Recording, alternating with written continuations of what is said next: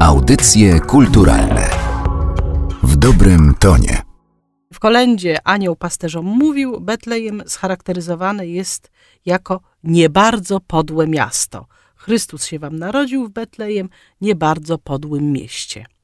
Może zastanawiać, dlaczego miasto zostało opisane właśnie w taki sposób. Inaczej mówiąc, co ma podłość do miasta.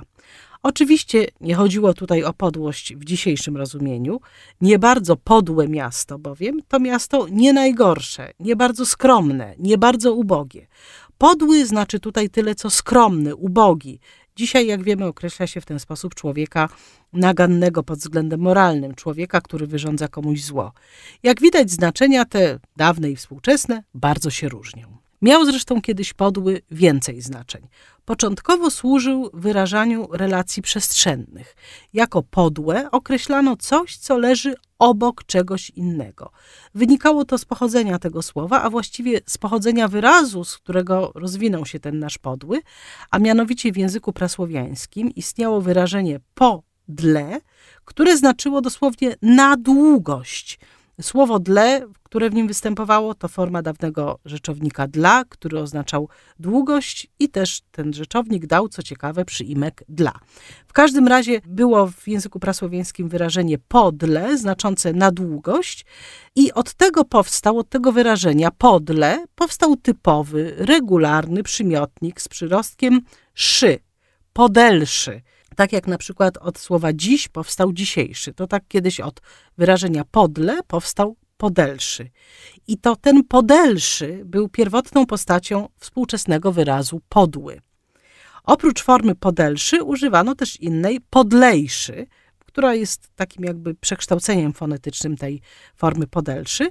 I tę formę podlejszy po jakimś czasie uznano za stopień wyższy, no bo na szy, ejszy kończą się formy stopnia wyższego, no ładny, ładny, ładniejszy, mądry, mądrzejszy, ładniejszy, mądrzejszy, to jest stopień wyższy. A więc uznano, że ten podlejszy jest formą stopnia wyższego jakiegoś innego przymiotnika i właśnie dorobiono ten przymiotnik wtórnie do tego podlejszy i tym dorobionym wtórnie był podły.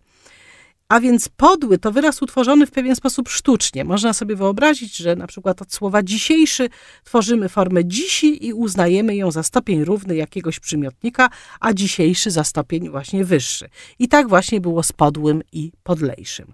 Podlejszy, jak już mówiłam, nie powstał jako stopień wyższy, tylko jako normalny przymiotnik utworzony od wyrażenia podle, czyli na długość, i miał znaczenie odpowiadające temu wyrażeniu. Wskazywał na coś, co jest obok czegoś, co leży jakby wzdłuż czegoś. Nawet w gwarach się mówi, że coś leży podle czegoś, czyli jakby no obok czegoś. Później ewolucja tego znaczenia tego przymiotnika, jeszcze w wersji podlejszy czy podelszy, była następująca. Jeśli coś leży wzdłuż czegoś innego, leży obok tego, to jakby jest drugorzędne, jest mniej ważne niż tamto. I tutaj mamy już ten element porównania, że coś jest gorsze niż coś innego.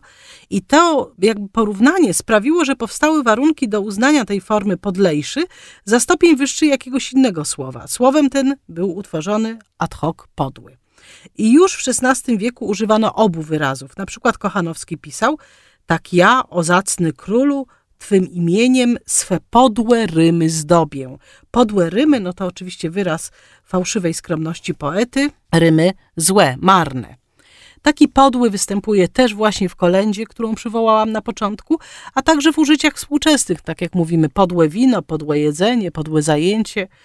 Później ten sens gorszy, czy gorszy niż inny, bardzo się zawęził i przymiotnik podły zaczął oznaczać już tylko osobę, która dopuszcza się niegodziwości moralnych albo czyn takiej osoby.